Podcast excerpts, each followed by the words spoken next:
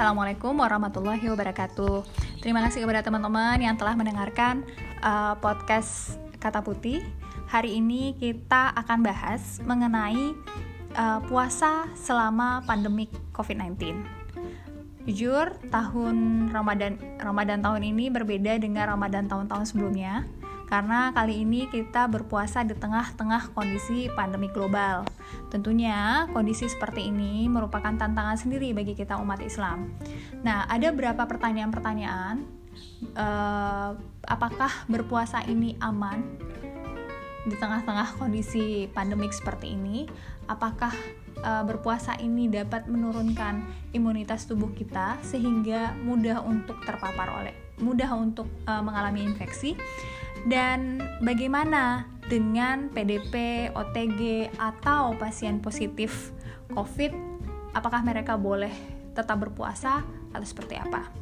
Nah, uh, sejumlah institusi kesehatan dunia seperti WHO, WHO telah mengeluarkan uh, beberapa guideline tentang uh, keamanan berpuasa di tengah pandemi COVID-19 dan CIBM Oxford University juga telah mengeluarkan tulisan juga summary juga terkait hal ini.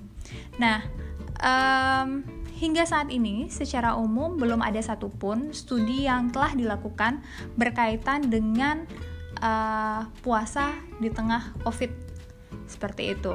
Namun, uh, baik dari WHO maupun CBM Oxford University merekomendasikan untuk tetap melakukan puasa bagi orang yang sehat. Nah, puasa sendiri ini mempunyai manfaat dalam meningkatkan imunitas tubuh ternyata. Jadi uh, jangan difikirkan bahwa ketika berpuasa itu menurunkan imunitas, tetapi dari berbagai penelitian itu justru menunjukkan bahwa berpuasa dapat meningkatkan imunitas tubuh.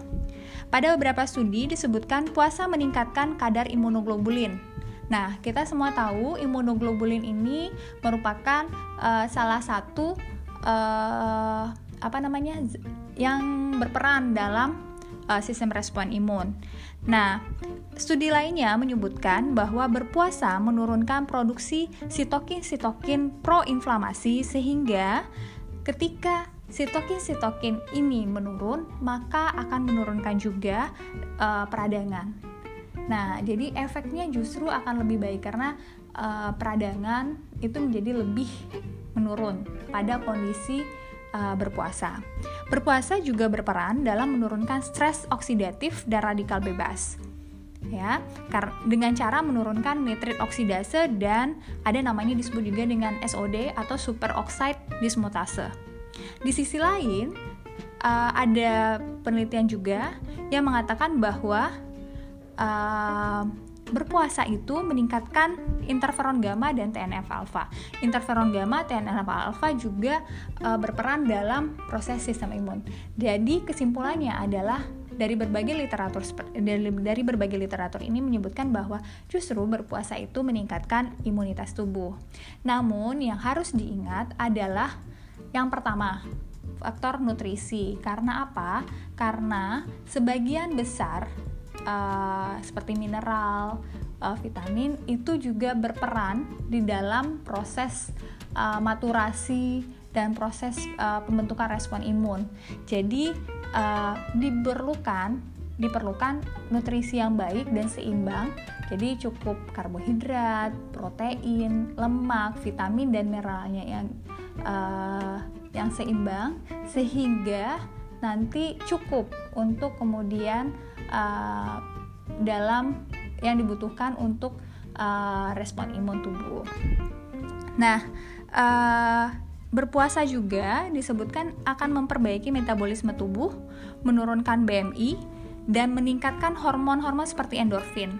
Nah, ketika kemudian metabolisme tubuh menjadi lebih baik, BMI menjadi lebih uh, rendah, uh, menjadi ke arah normal ya. Jadi dia menurunkan obesitas juga dan meningkatkan hormon endorfin ini maka endpointnya adalah sistem tub imun tubuh juga akan lebih baik. Seperti itu. Jadi jangan khawatir berpuasa itu akan menurunkan imunitas Karena faktanya adalah dari berbagai penelitian menyebutkan bahwa berpuasa itu justru dapat meningkatkan imunitas tubuh kita.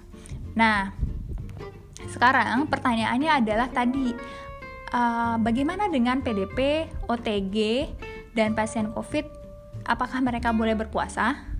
Nah, sebenarnya bahwa uh, gejala klinis dari uh, COVID-19 ini sendiri seperti kita ketahui itu berbeda-beda pada uh, pada ber, uh, berbagai orang. Jadi ada yang tidak ada gejala sama sekali, ada gejalanya ringan, sampai ada yang memiliki gejala berat. Nah, pertimbangan yang uh, salah satu hal yang menjadi pertimbangan di dalam hal ini adalah yang pertama, faktor dehidrasinya. Karena apa? Karena sebagian besar dari pasien-pasien ini mengalami uh, demam. Nah, ketika terjadi demam yang berkepanjangan, terus kemudian kadang ada pasien yang mengalami diare, maka akan akan mudah untuk mengalami dehidrasi. Nah, ketika kemudian uh, pasien ini mengalami dehidrasi, maka uh, manifestasi manifestasi klinisnya itu menjadi uh, juga akan semakin buruk.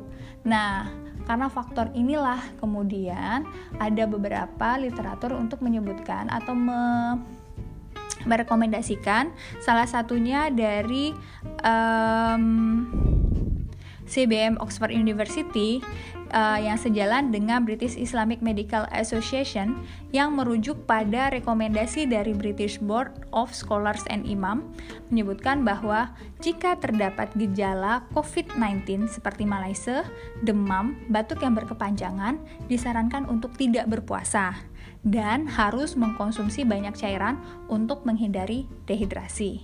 Tetapi, jika tidak didapatkan gejala di atas, maka disarankan untuk tetap berpuasa. Namun, pada kondisi-kondisi tertentu, tadi walaupun tidak ada gejala seperti malaise, demam, batu berkepanjangan, uh, pasien boleh membatalkan puasanya atau boleh tidak berpuasa jika ada yang pertama, ada gejala penyakit jika dikhawatirkan, gejala penyakit itu menjadi semakin parah ketika berpuasa. Yang kedua, jika dikhawatirkan, proses recovery penyakit menjadi lebih lama ketika berpuasa. Dan tentunya hal ini tergantung pada pertimbangan dokter dan bagaimana pengalaman pasien sebelumnya dalam berpuasa saat sakit. Nah, jadi uh, hal ini memang uh, sifatnya relatif ya. Nah, hal-hal yang perlu diperhatikan adalah ada atau tidaknya penyakit penyerta seperti diabetes, obesitas, dan penyakit kardiovaskuler. Karena kita tahu bahwa uh, faktor komorbid yang kemudian dapat memperparah uh, manifestasi klinis dari COVID-19 ini adalah seperti penyakit jantung, kardio ya, jantung dan pembuluh darah, terus kemudian diabetes, obesitas, kolesterol, hiperkolesterolemia dan sebagainya. Jadi uh, ketika kemudian ada uh, penyakit-penyakit komorbid seperti ini, maka disarankan untuk tidak berpuasa. Seperti itu.